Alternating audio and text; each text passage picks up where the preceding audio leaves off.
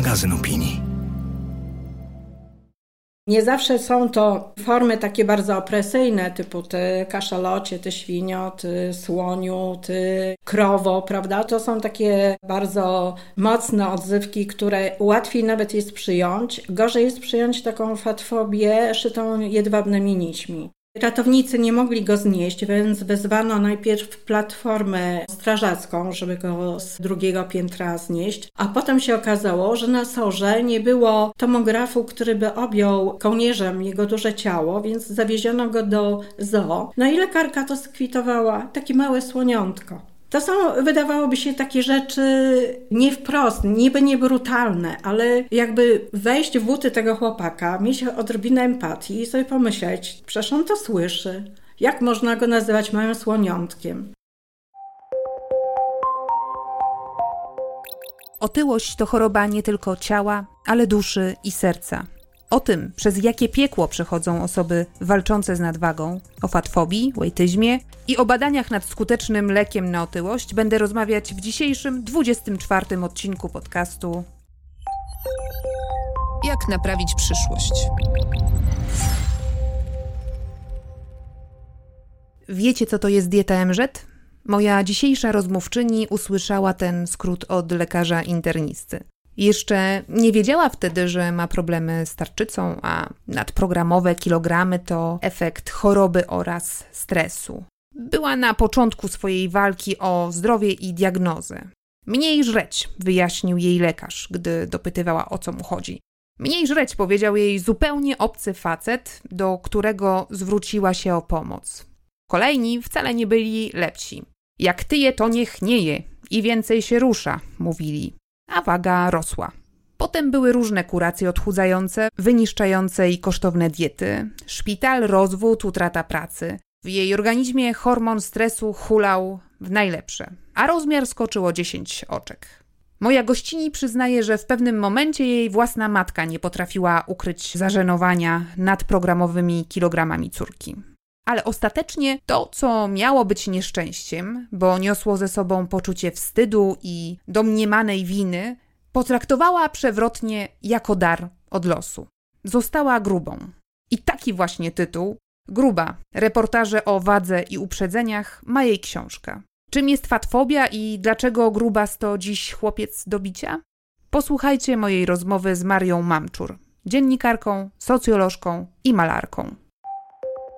Co zrobić, gdy wszyscy trąbią o nieuchronnej katastrofie, o apokalipsie ekologicznej, technologiach, nad którymi przestajemy panować, rosnących nierównościach społecznych, cyberwojnach, populistach, fake newsach? Możesz próbować odciąć się od złych informacji, uprawiać własny ogródek i udawać, że wszystko jest w porządku. Ale możesz też wziąć sprawy w swoje ręce. Naiwność? Być może, ale wolę wierzyć w to, że działania pojedynczych ludzi mają znaczenie. O tym, jak naprawić przyszłość w duchu filozofii DIY, czyli naszego swojskiego zrób to sam, będę rozmawiać z naszymi gośćmi, ekspertami z różnych dziedzin. Postaram się też namówić ich do tego, by weszli w buty futurologów i spróbowali opisać, jak będzie wyglądał interesujący nas wycinek rzeczywistości w 2050 roku. Nazywam się Barbara Sowa i w imieniu magazynu Pismo zapraszam do słuchania podcastu. Mecenasem podcastu jest Accenture.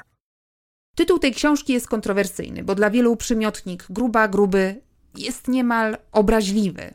Ja specjalnie dałam tytuł gruba, żeby odczarować to słowo, żeby ono zaczęło funkcjonować w normalnej takiej przestrzeni społecznej jako słowo neutralne. Czyli ktoś jest gruby, ktoś jest chudy, ktoś jest wysoki, niski, żeby zdjąć z tego stygmat. Oczywiście różnie z tym bywa i to wymaga czasu, dyskusji o tym, czym jest właściwie większa masa ciała niż przewiduje norma. Osoby dotknięte czy nadwagą, czy otyłością są bardzo wyczulone faktycznie na to, w jaki sposób się o nich mówi. Ale dlaczego są wyczulone? Dlatego, że wcześniej zetknęły się z fat shamingiem, czyli zawstydzaniem z powodu większej masy ciała. Są dyskredytowane, dyskryminowane, są utożsamiane z osobami, które są właściwie nieudacznikami, nie mają szansy na sukces, są skazane na porażkę, skazane na bycie niewidzialną i że podobno to wynika, a chciałam w tej książce udowodnić, że jest wręcz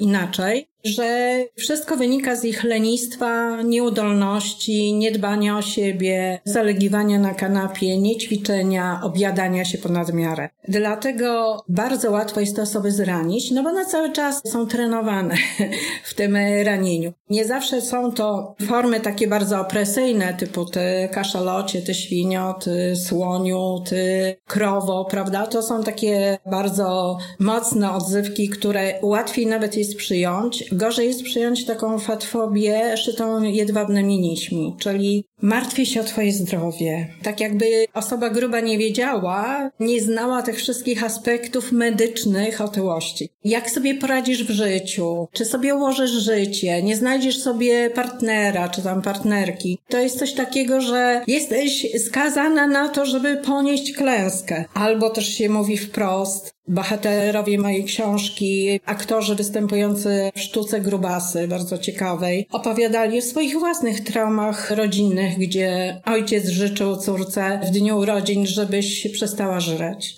na przykład. Więc jak mówić o takich ludziach i przy takich ludziach? No przede wszystkim neutralnie i nie oceniać. Nie oceniać, bo za każdym grubym stoi jego własna historia, często bardzo traumatyczna. Okazuje się, że większość moich bohaterów przeszła straszne rzeczy. To być może spowodowało właśnie te zaburzenia metabolizmu, nie tylko w takiej kategorii BED, czyli zaburzenia odżywiania, kompulsywne jedzenie. Są takie osoby, które zajadają stres, ale to nie jest wszystko. Część osób po prostu podlega takim mechanizmom, gdzie kortyzol, który powoduje totalne spowolnienie metabolizmu. Jeśli jest ten stres długotrwały i bardzo ciężki, on robi spustoszenie w całym organizmie więc naprawdę, gdyby ludzie zdali sobie sprawę z tego, że za każdym grubym, grubą stoi jego własna, odrębna i często bardzo trudna historia, to nie mówiliby schudnij, będziesz fajną laską. To nie mówiliby, kiedy się wreszcie za siebie weźmiesz. Nie mówiliby, no chyba źle jesz.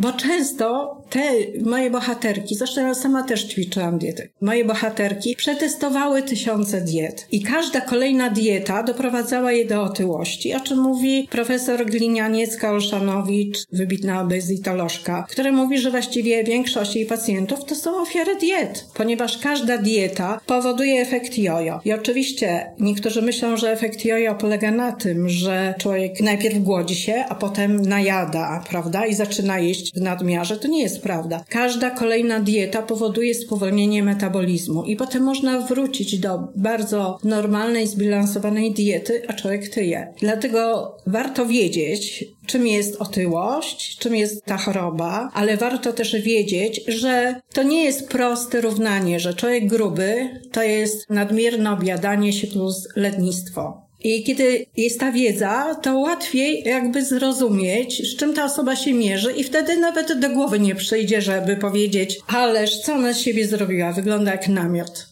Bardzo fajne zdanie pada w Twojej książce, wypowiedziane przez jedną z bohaterek, która powiedziała, że otyłość to choroba serca i duszy bardziej niż ciała. Jakie są te przyczyny otyłości? Co dzisiaj wiemy, jeśli chodzi o przyczyny otyłości i z medycznego punktu widzenia, i z psychologicznego? Jak to wygląda? Tych aspektów jest bardzo dużo, bo z medycznego punktu widzenia do tej pory odkryto 52 czynniki rozwoju otyłości. I ta wiedza się poszerza. To znaczy, ja wiem o 52, kiedy pisałam tę książkę, a podejrzewam, że odkrywają kolejne. Więc w tych przyczynach medycznych otyłości to są bardzo różne aspekty, bo to jest otyłość pierwotna, która może wynikać faktycznie ze spożywania nadmiernej liczby kalorii i nie spalania tych kalorii, prawda, w odpowiedni sposób. Ale są też mechanizmy dotyczące otyłości wtórnej, która jest wynikiem chorób, zaburzeń metabolizmu, gdzie po prostu otyłość towarzyszy różnym schorzeniom i często człowiek zupełnie nie ma wpływu na to, że jego metabolizm jest tak leniwy i tak potworny, że jak mówią, tyje się od wody. Kolejna rzecz jest taka, ja już nie będę wymieniać tych wszystkich chorób, bo ich jest strasznie dużo, prawda? To są różne zaburzenia hormonalne, też problemy, choroby psychiczne leczone neuroleptykami, które powodują też takie mechanizmy w metabolizmie, że, prawda, ta otyłość się rozpędza. To są choroby przysadki mózgowej, kory nadnerczy. To jest długotrwały stres, który powoduje właśnie niewydolność kory nadnerczy. To jest również trauma. To może być tak, że człowiek przeżywa traumę, a jedzenie jedzenie jest najłatwiej dostępnym, najbardziej podręcznym takim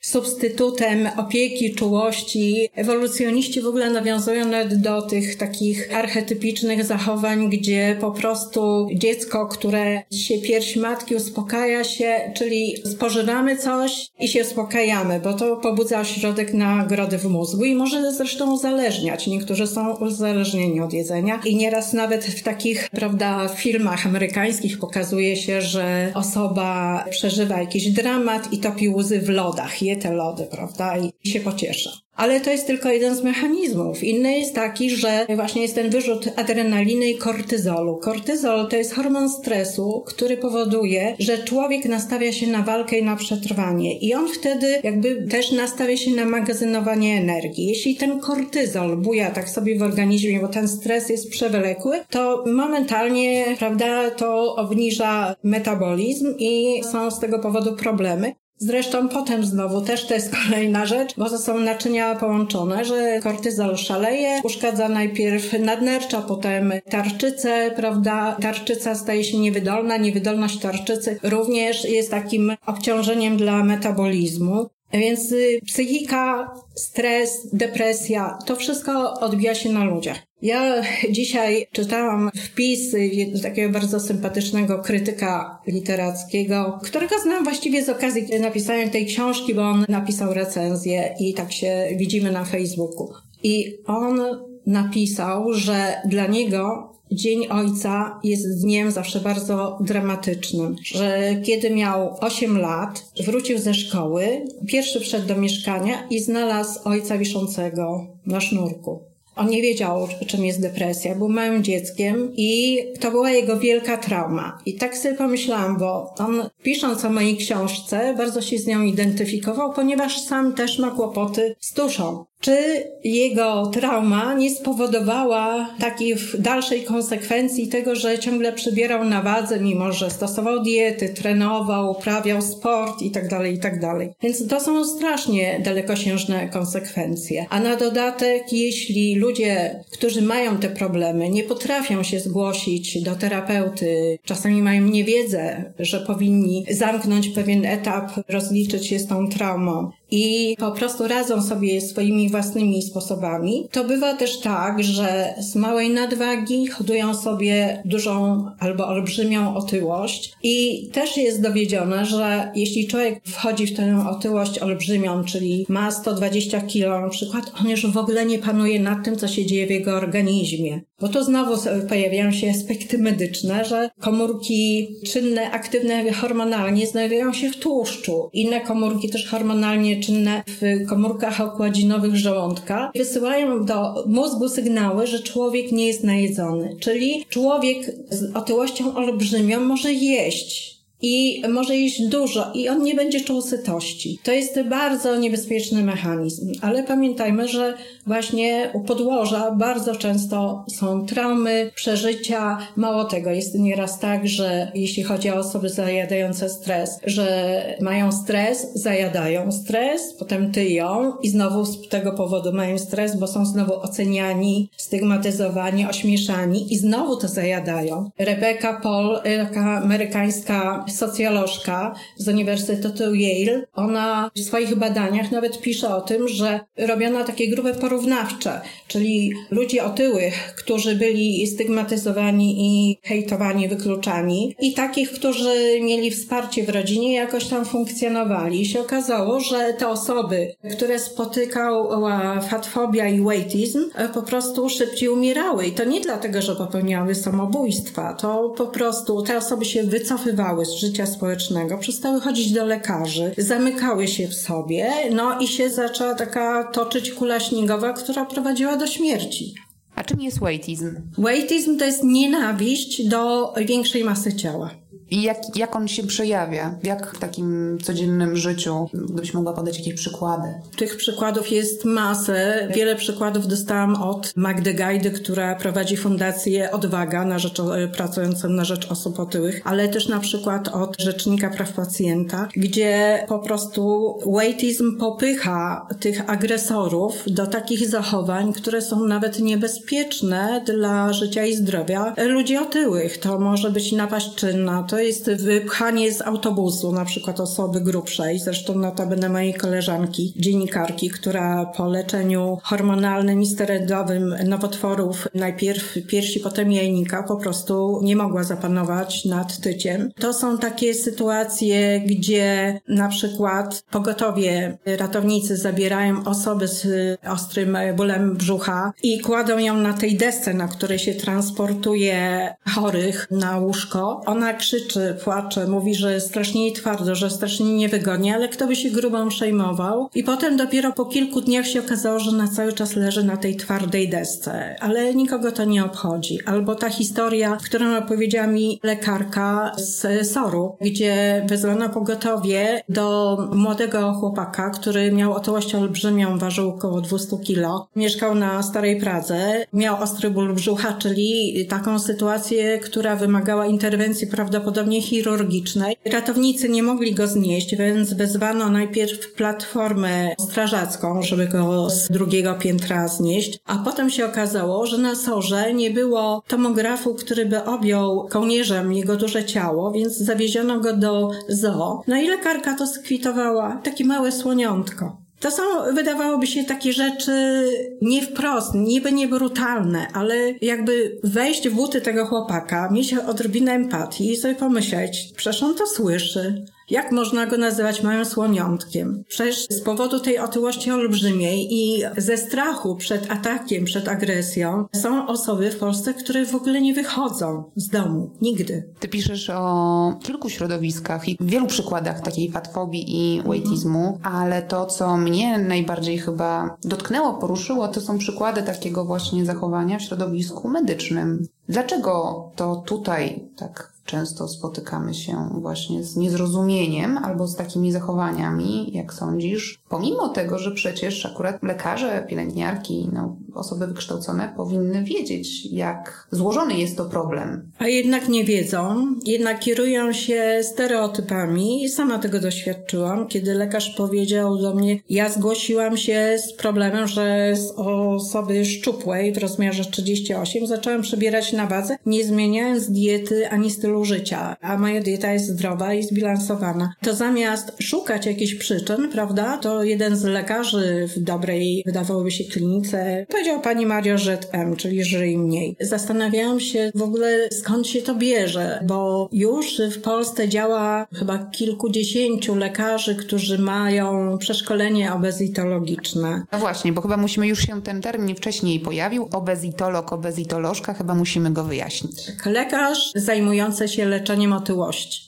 Ile takich lekarzy w Polsce jest? Ja w tej chwili nie wiem, bo to się zmienia, ponieważ nie ma u nas specjalizacji. Ministerstwo Zdrowia na razie nie widzi takiej potrzeby, mimo że 54% społeczeństwa ma nadwagę lub otyłość, czyli większość. Natomiast jest polskie leczenie otyłości, które robi szkolenia dla lekarzy. Wydało też obezitologię kliniczną, bardzo dogłębną, że tak powiem. I gdyby lekarze naprawdę chcieli się tym problemem zająć, to by sięgnęli, ale sądzę, że przy frustracji środowiska medycznego, przy tym, że właściwie ciągle mają za mało czasu pracując na kilku etatach, przy takich stereotypach upowszechnionych bardzo głęboko, ciągle widzą w pacjentach, którzy przychodzą do nich, osoby otyłe, które same sobie są winne. To przerzucanie winy jest w ogóle fatalne. W ogóle jak można winić pacjenta, że jest otyły? Tak jak czy można winić pacjenta, który ma raka i doszukiwać się, że palił albo nie dbał o siebie i stygmatyzować go z tego powodu. To jakby jest odwrócenie sytuacji. Poza tym nawet jedna z bohaterek mojej książki ostatnio wczoraj przysłała mi link, taki plakat i taką kampanię Głównego Inspektoratu Sanitarnego, żeby walczyć z otyłością, że otyłość to jest choroba, ale Oczywiście były już tam takie schematy, żeby zmienić jadłospis, co nie, nie do końca się sprawdza. Żeby zmienić jadłospis, żeby zacząć się ruszać. Co ciekawe, to się zmieniło. Mam nadzieję, że też częściowo książka w tym zadziała, że pojawił się taki wątek nie oceniać, nie dokuczać, nie wyśmiewać osób, które zmagają się z otyłością. Ale, jest jedno ale, na tym plakacie Jak myślisz, kto jest na tym plakacie? Nie wiem, nie chcę strzelać. Kobieta. Gruba kobieta z tak oddartym kawałkiem, jakby przedartym ciała, prawda? Czyli dosyć to drastyczne, czyli znowu stykamy się z innym przejawem fatfobii. Zresztą nawet WHO, które próbuje walczyć z otyłością, która jest jedną z chorób cywilizacji teraz, współcześnie, daje takie komunikaty, które też nie są obojętne ani dla odbiorców tych zdrowych, ani dla chorych. Na przykład mówi o epidemii otyłości, prawda? To nie jest dobra konotacja. Albo w edukacyjnych plakatach stosuje się takie ikony, które napiętnują, stygmatyzują osoby otyłe. Zresztą nawet w telewizji co jakiś czas chodzi taka reklama, że rodzina grubasków podjeżdża pod McDonald'sa i siedzą w samochodzie, zamawiają jakieś tam bułki, a dziewczyna, która wydaje te posiłki mówi proszę, rakielita grubego, udar, zawał serca i coś tam jeszcze. I w ten sposób niby edukuje, że ludzie nie powinni jeść jedzenia śmieciowego. Ale tak naprawdę jest jakiś procent, oczywiście, ludzi, którzy jedzą jedzenie śmieciowe, bo nie są świadomi, natomiast bardzo duża część, wszystko się wsadza do jednego worka, to są ludzie bardzo świadomi. Tacy, którzy mają swojego trenera, ćwiczą, mają dietę, dobrze wiedzą o tym, czym jest choroba otyłości i po prostu mówienie im e, takich rzeczy powoduje, że za tym idą ci wszyscy, którzy chcą hejtować, mówią, no tak, no tak, żarło się pod nadmiarę. I potem są takie sytuacje, że w, w gabinetach lekarskich to też mnie strasznie uderzyło i to był przykład podany przez Rzecznika Praw Pacjenta, że 25-letnia dziewczyna zgłosiła się do ginekologa z prośbą o receptę na pigułkę antykoncepcyjną, ponieważ powiedziała, jestem w tym związku, nie chcę mieć jeszcze dziecka. I ten spojrzał na nią, tak nie słuchał tego, że ona powiedziała, że jest w związku. I tak spojrzał, mówi, ja pani nie przepiszę tabletki, takiej świni nikt nie ruszy. Wiele takich przykładów w Twojej książce pada, które mam wrażenie, że no, nie mieszczą mi się w głowie. Tak, ale to, to nie są wysane z palca, one są napisane na podstawie skarg. Bardzo dużo osób z nadwagą czy otyłych rezygnuje w ogóle z korzystania z opieki medycznej, bo się boi tej stygmatyzacji, boi się tej fatfobii. Nie chce słyszeć, jeśli dziewczyna idzie z chorymi zatokami, ma gorączkę, ból zatok i prosi lekarza o pomoc, a ten mówi, pani przyjdzie jak pani schudnie. No to o czym my mówimy? W Twojej książce jest kilku bohaterów mężczyzn, którzy zmagają się z otyłością. To jest chociażby ten chłopak, o którym wspominałaś, przykład chłopaka, który właśnie został nazwany przez lekarkę słoniątkiem, ale jednak dominują kobiety. Dlaczego kobiety częściej ten problem nie dotyka, ale bardziej boli? Mężczyzn też boli, ale kobiety padają częściej ofiarą fatfobii z jednego powodu, dlatego że od kobiety się wymaga. Mężczyzna, jak jest trochę grubszy, no nie mówimy już o otyłości olbrzymiej, bo wtedy wszyscy są, prawda, hejtowani ludzie z otyłością olbrzymią, ale jest taki grubszy pan, ma jakiś sukces zawodowy, ma pieniądze i tak dalej i nagle jakoś łagodniej się na niego patrzy, stosuje się inne nazwy nawet, to, to jest misio, to jest jakiś tam, prawda, a y, kobiety ocenia się jednoznacznie. To jest związane z pewnym patriarchalnym sposobem patrzenia na kobiety, czyli kobiety mają być dodatkiem do mężczyzny, kobieta ma być jego wizytówką, kobieta ma być szczupła, ale nie tylko szczupła, ma mieć wytrenowane, wyrzeźbione ciało, ma być wiecznie młoda i bogata, prawda? I to jest taki synonim sukcesu. Rene Engel, pisząc Obsesję Piękna i badając swoje pacjentki, bo ona jest psycholożką i zajmuje się też aspektami otyłości, zauważyła, że jej klientki mówiły tak, wolę wpaść pod ciężarówkę niż przytyć 4 kilo. Czyli jaka to silna opresja związana z kultem pięknego ciała dotyka wszystkie kobiety. One są zdecydowane katować się dietami, różnymi zabiegami, ale przecież trafiłam na takie, które kupowały larwy tasiemca, wiedząc, że jedną kapsułkę połknę, larwa tasiemca zrobi swoje, a potem połknę drugą kapsułkę, która była w opakowaniu i zabiję tego tasiemca, jak już spełni swoją rolę, tylko że nie bierze pod uwagę, że ten tasiemiec wyniszcza jej organizm, że doprowadzi do anemii, że zaczną wypadać jej włosy. Lęk przed tym, żeby nie być grubym jest po prostu bardzo destrukcyjny. Była znana historia też dziewczyny, 24-letniej studentki, która nawet nie była gruba, ona lekko przytyła, a tak bała się tego, że ta tusza będzie się powiększała, że kupiła DNP. DNP to jest popularnie nazywany spalacz tłuszczu. W rzeczywistości jest to środek ochrony roślin, bardzo toksyczny. No i co się stało z tą dziewczyną? Ona po prostu się wewnętrznie ugotowała. Raporty medyczne po jej śmierci były bo wszystko było ugotowane, wszystko było popalone. Śluzówka przewodu pokarmowego, dróg oddechowych. Dziewczyna przez y, dwa dni umierała w męczarniach, y, chlustając krwią.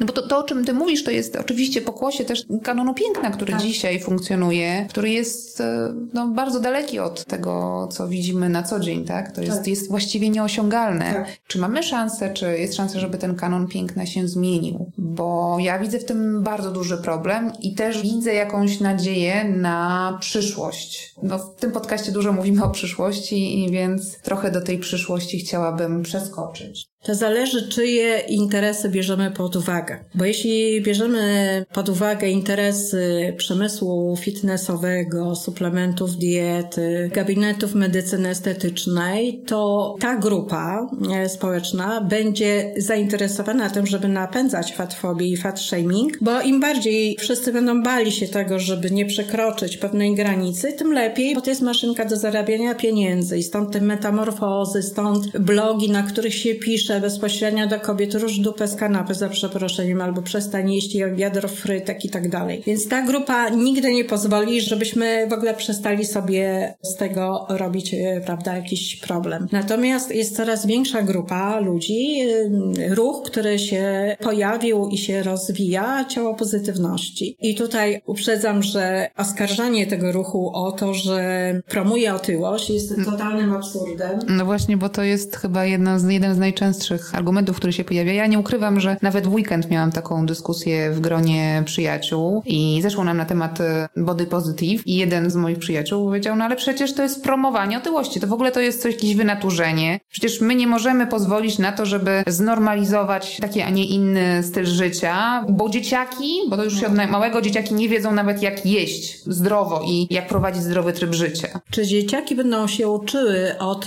grubych aktywistek ciało pozytywności jak jeść, czy one prowadzą takie blogi i na, zachęcają do tycia? Czy grube osoby zaangażowane w ruch ciało pozytywny mówią innym, słuchajcie, to jest taki super, bądźcie tacy jak my, bądźcie grubi. Bzdura. To jest zarzucanie ciało pozytywności, promocji otyłości jest takim e, właśnie elementem fatfobii szytej jedwabnymi nićmi. Podobnie zresztą jak troska o zdrowie, czy troska o przyszłość i tak dalej. Po prostu w ciało pozytywności chodzi o coś innego. Chodzi przede wszystkim o to, że bardzo duża grupa osób próbuję schudnąć, bo ja nie wierzę w to, że nawet jeśli ciało pozytywne aktywistki mówią, że jest super, tak jak jest, to jest wspaniale. Nie, każdy chce być szczupły, naprawdę każdy. Każdy chciałby być szczuplejszy, bo dobrze sobie zdaje sprawę, z czym się wiąże otyłość. Ale czasami zawodzą różne metody. Różnie się to dzieje. I teraz zadajmy sobie pytanie, czy osoby grube, a też moje bohaterki były takie, że są grube, ćwiczą, mają swojego dietetyka, regularnie się badają, są nawet tak tak sprawny fizycznie, że niejedna tak zwana kanoniczna osoba nie potrafiłaby wykonać takich figur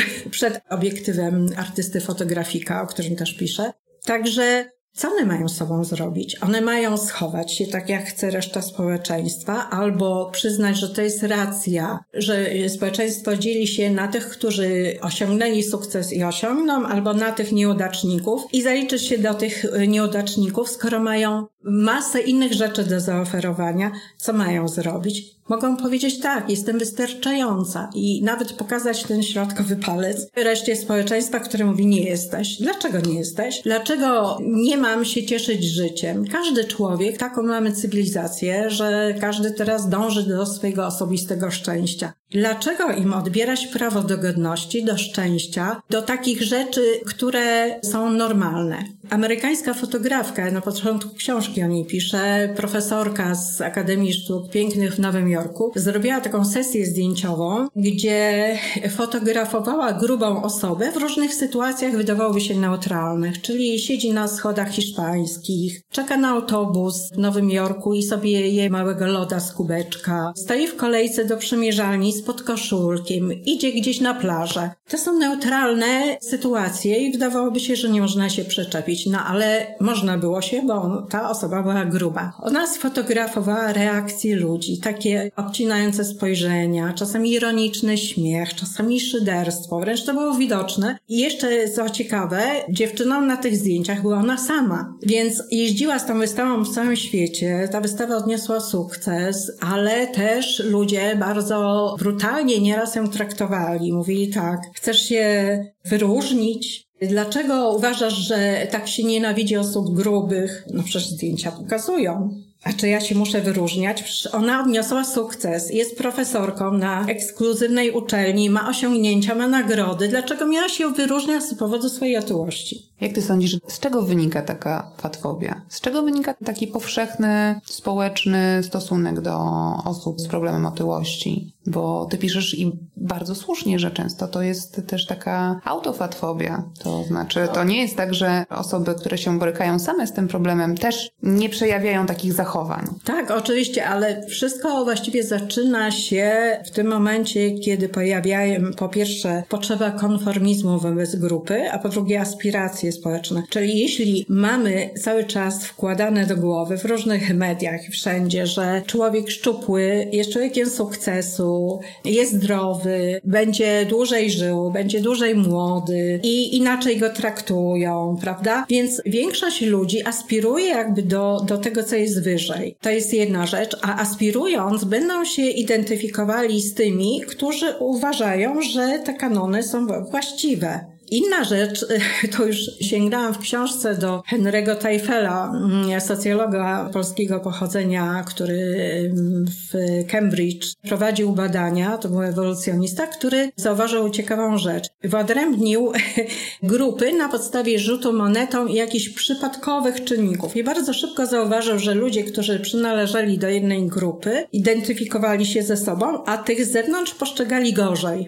I to samo się dzieje z ludźmi otyłymi, czyli ci, którzy aspirują czy identyfikują się z tą grupą sukcesu, będą postrzegali grubych jako podobnych w swojej masie, a to z kolei prowadzi do takiego umocnienia się wszystkich tych stereotypów dotyczących grubości. Nie chce się wnikać w to, jakie są przyczyny, nie chce się pochylić nad drugim człowiekiem, prawda? Czyli odrzuca się a priori. Kolejna rzecz to jest ten hejt w internecie. Właściwie cały świat dąży do takiej unifikacji, prawda, takiej globalizacji i wszyscy muszą tak samo. To samo jeść, to tak samo wyglądać, nosić te same ciuchy, podlegać tym samym modom yy, i wszyscy chcą przynależeć, tak, do tego świata, a z drugiej strony pojawia się frustracja, że jestem pionkiem, a nie podmiotem. No i gdzie tę podmiotowość można zdobyć? No, w taki sposób, że można przyciągnąć czyjąś uwagę, można zatrzymać kogoś, można sprawić, że ktoś poczuje się gorszy, a zwłaszcza, że się nic nie ryzykuje, bo ciągle to jest anonim. Jeśli chodzi o e, tę wewnętrzną fatfobię, no to większość ludzi jej doświadcza. Także tych grubych wobec samego siebie. Bardzo trudno jest zaakceptować większe ciało wtedy, kiedy zewsząd się słyszy albo obelgi, albo ironiczne uwagi, dotyka jakiś sarkazm, czy jakieś szeptanie za plecami, czy ocenianie w taki czy inny sposób. Więc trudno jest zaakceptować swoje większe ciało i to wymaga pewnej pracy. Ale, i znowu wracamy tu do ruchów ciało pozytywnych, że one dają wsparcie że nieważne jak wyglądasz, czy masz dwie fałdki więcej, może w ogóle nie, a może masz piegi, a może masz krzywe zęby, a może masz nie takie włosy, w ogóle nie wiadomo co i nagle wrzucają to zdjęcie i ktoś im mówi, jesteś wystarczająca, jesteś wspaniała.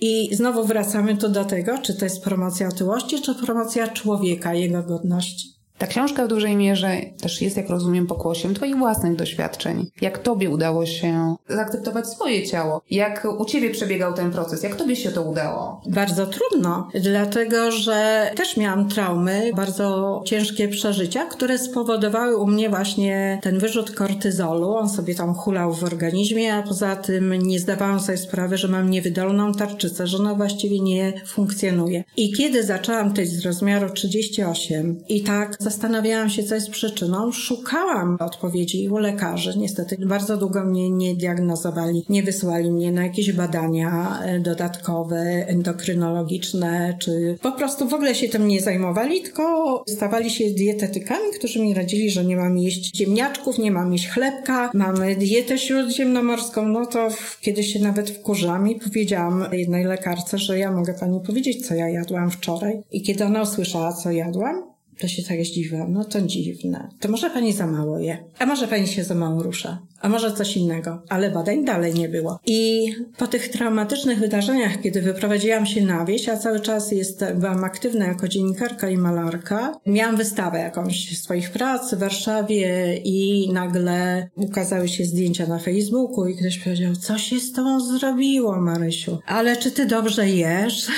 Jakbym była nieświadomym człowiekiem, który, nie wiem, idzie do Biedronki i kupuje cały wózek chipsów. Albo jak mogłaś tak? I to było straszne. Ale to też jakoś przeżyłam sobie, wytłumaczyłam, bo mam taką zasadę, że jak ktoś jest nie w porządku, to najpierw staram się zrozumieć dlaczego. Jak uruchamiam te procesy myślowe i analizuję i potem wiem dlaczego, to już mi jakby to poczucie zranienia i krzywdy przechodzi bo już sobie to wyjaśniłam i dlatego zresztą chciałam to wyjaśnić też w książce. Ale to też jeszcze się tak toczyło, toczyło i pamiętam takie sytuacje, to był przejaw wewnętrznej fatfobii i to zawsze o tym mówię. Jak jechaliśmy z Maćkiem, wybraliśmy się w podróż i zatrzymaliśmy się na stacji benzynowej, skorzystałam z toalety i wychodząc z tej toalety zobaczyłam tak niespodziewanie siebie w jakiejś tam dużej sukience i tak spojrzałam i to jest takie spojrzenie, bo jak człowiek wie, że będzie patrzył w lustro, to zupełnie inaczej i na siebie patrzy. Ale jak patrzy tak niespodziewanie, to nagle widzi zupełnie kogoś obcego. Ta gruba baba to ja. I pamiętam, że to był dla mnie taki szok, że bardzo długo, dopiero niedawno zaczęłam kupować ciuchy we właściwym rozmiarze, a tak to ciągle nie mogłam scalić tego poczucia wewnętrznego, że byłam szczupła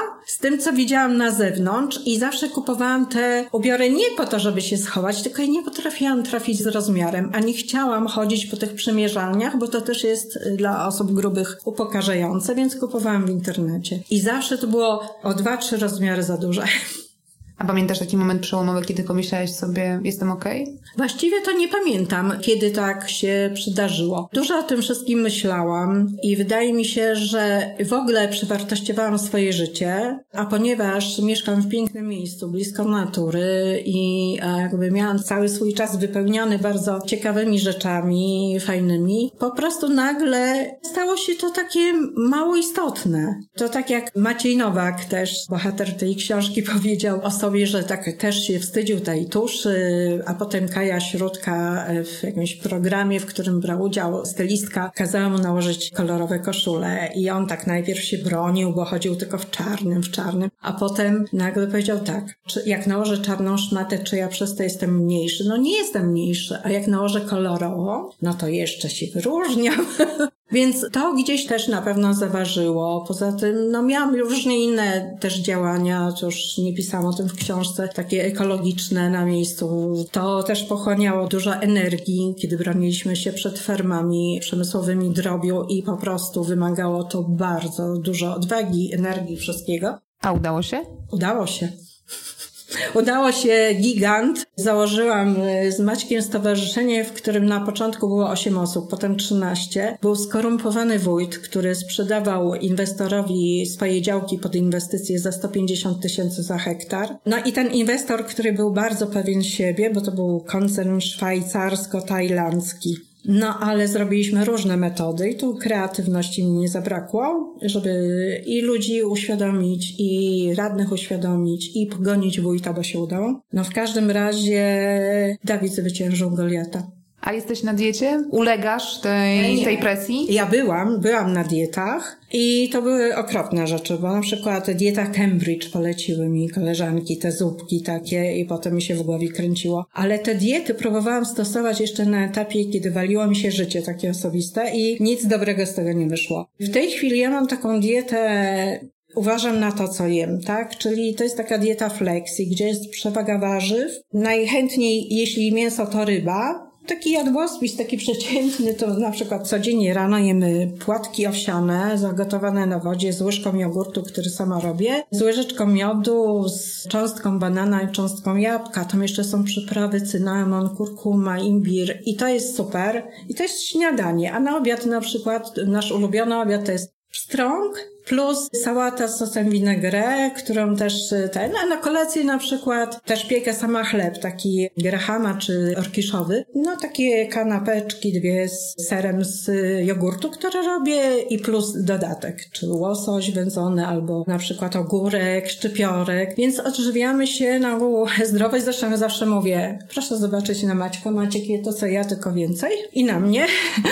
Także nie jem słodyczy. To ja tylko dodam, że Maciek siedzi obok i rzeczywiście jest bardzo szczupłym mężczyzną. Nie jemy słodyczy, jemy owoce. To są jedyne słodycze, które jem. Właśnie ta lekarka, która mi chciała doradzić, była zdziwiona tym jadłospisem. No, nie, objadam się też ponad miarę. Nie jem śmieciowego jedzenia. Bardzo uważam oczywiście, bo kontroluję rzeczy, które mają indeks glikemiczny wysoki, bo prawda, przy tej otyłości brzusznej, bo ja mam szczupłe ręce, szczupłe nogi, a brzuch żeby nie pojawiła się ta ciężka insulinooporność, więc uważam na rzeczy z indeksem glikemicznym.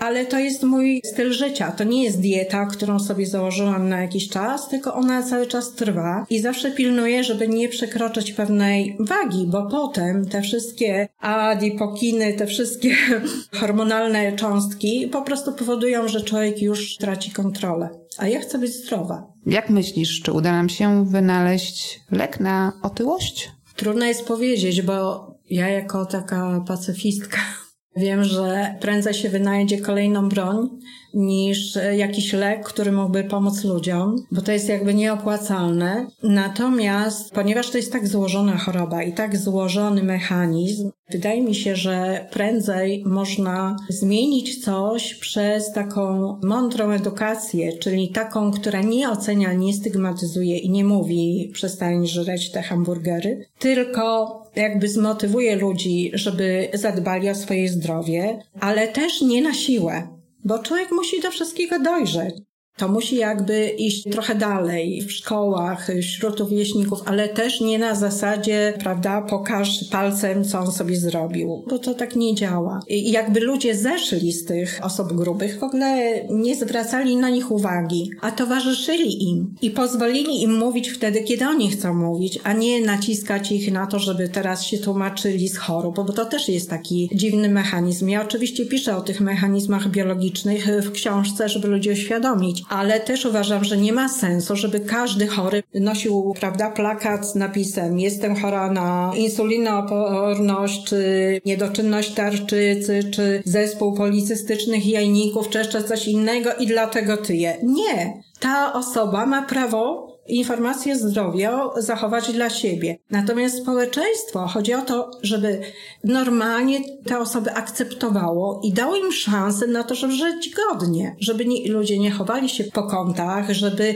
nie bali się iść na siłownię, na basen, żeby nie bali się zjeść loda, jeśli mają ochotę. Przecież niektóre moje bohaterki same się przyznawały do tego, że bały się iść publicznie, bo przez to, że były grube, to wszyscy im zaglądali do talerza. To ja mam nadzieję, że ta wizja przyszłości się sprawdzi. Bardzo, bardzo dziękuję za rozmowę. Ja też dziękuję. Jak naprawić przyszłość? Maria Mamczur przytacza w swojej książce wypowiedzi znajomych lekarzy, którzy zgodnie twierdzili, że komuś, kto wynajdzie lek na otyłość, będzie się należał Nobel. Tak palący to problem i tak wiele osób czeka na taki specyfik. Z szacunków WHO wynika, że otyłość dotyka ponad 800 milionów ludzi na świecie. Oj, długa jest lista farmaceutycznych wynalazków, które wzbudzały ogromne nadzieje na rozwiązanie problemu otyłości. I wciąż pojawiają się nowe. Przejrzałam ostatnie doniesienia naukowe na ten temat. Moją uwagę zwróciły informacje o leku, który nazywa się tirzepatyt. Wybaczcie, nie wiem, czy tak dokładnie wymawia się tę nazwę. Co to takiego? To nie jest tabletka, ten lek podaje się w zastrzykach, a wyniki półtorarocznej kuracji, tymże specyfikiem, były bardzo, bardzo obiecujące, bo 1250 uczestników badania klinicznego, którzy ważyli ponad 105 kg, straciło średnio po 24 kg, czyli ponad 22% masy ciała. Co ciekawe, w tak samo licznej grupie przyjmującej placebo spadek wagi wyniósł zaledwie 2 kg, no więc różnica jest jakby ogromna. Jak to właściwie działa? Lek naśladuje działania naturalnych hormonów, uwalnianych w jelitach po posiłku. Opóźniają one opróżnianie żołądka i stymulują w podwzgórzu wrażenie sytości, a to z kolei hamuje odczuwanie głodu. I choć wyniki badań klinicznych nowego leku są bardzo obiecujące, to cytowana przez tygodnik Polityka profesor Magdalena Olszanecka-Glinianowicz, prezes Polskiego Towarzystwa Badań nad Otyłością, studzi jednak emocje. To, że ktoś szybko i dużo schudnie, to nie jest właściwie cel leczenia otyłości. Bo pytanie, jak ten lek będzie działał na dłuższą metę, co się stanie z takim pacjentem za 3 czy 5 lat. Dopiero wtedy będzie można ocenić jego skuteczność. W historii mieliśmy już kilka leków na otyłość, które potem wycofywano, bo okazywało się, że są na przykład groźne dla osób z chorobami wieńcowymi albo dla tych, którzy cierpią na depresję.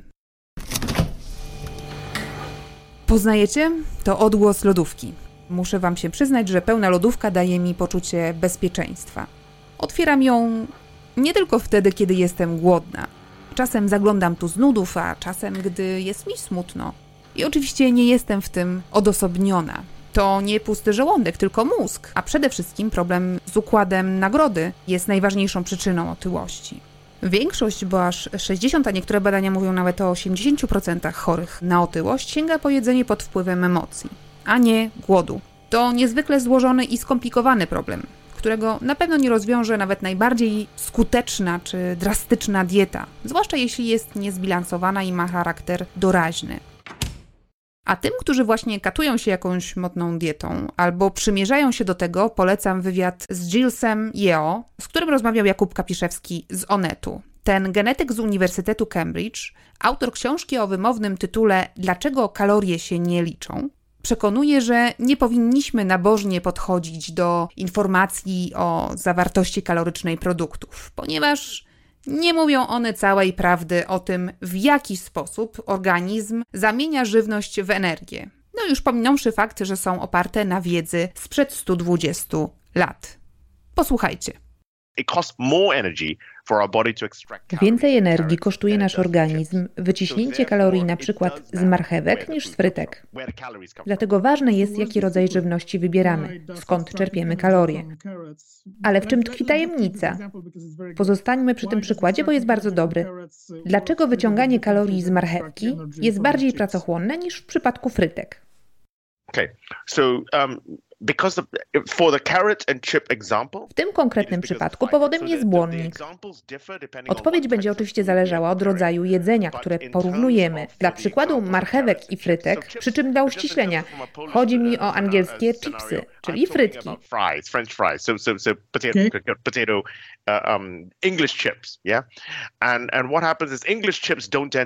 Frytki to po prostu usmażone ziemniaki, najczęściej pozbawione skóry, która przecież zawiera błonnik.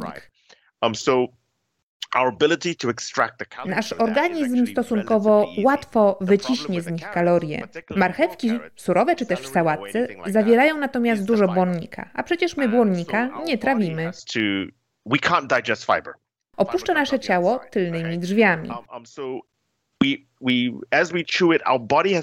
Aby dostać się do energii ukrytej we wnętrzu marchewki, do tych wszystkich węglowodanów, organizm musi najpierw przegryźć się przez cały ten błonnik. To wymaga energii większej niż w przypadku frytek.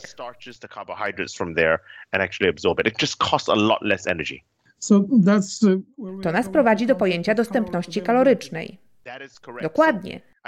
Posłużę się innym przykładem.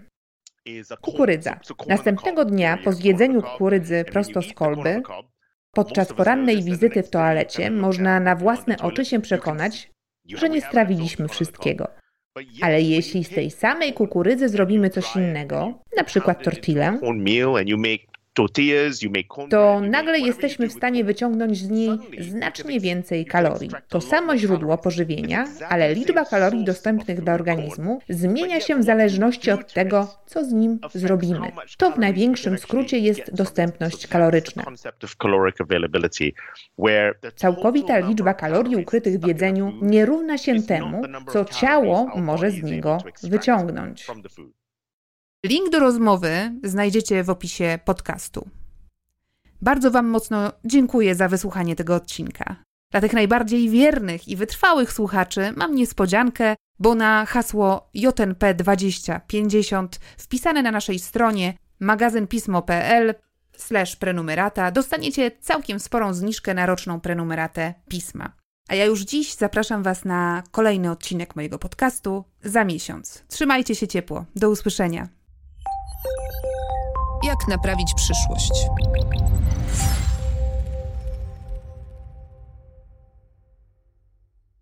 Więcej materiałów znajdziesz na stronie miesięcznika Pismo, magazyn opinii pod adresem magazynpismo.pl. Mecenasem podcastu jest Accenture.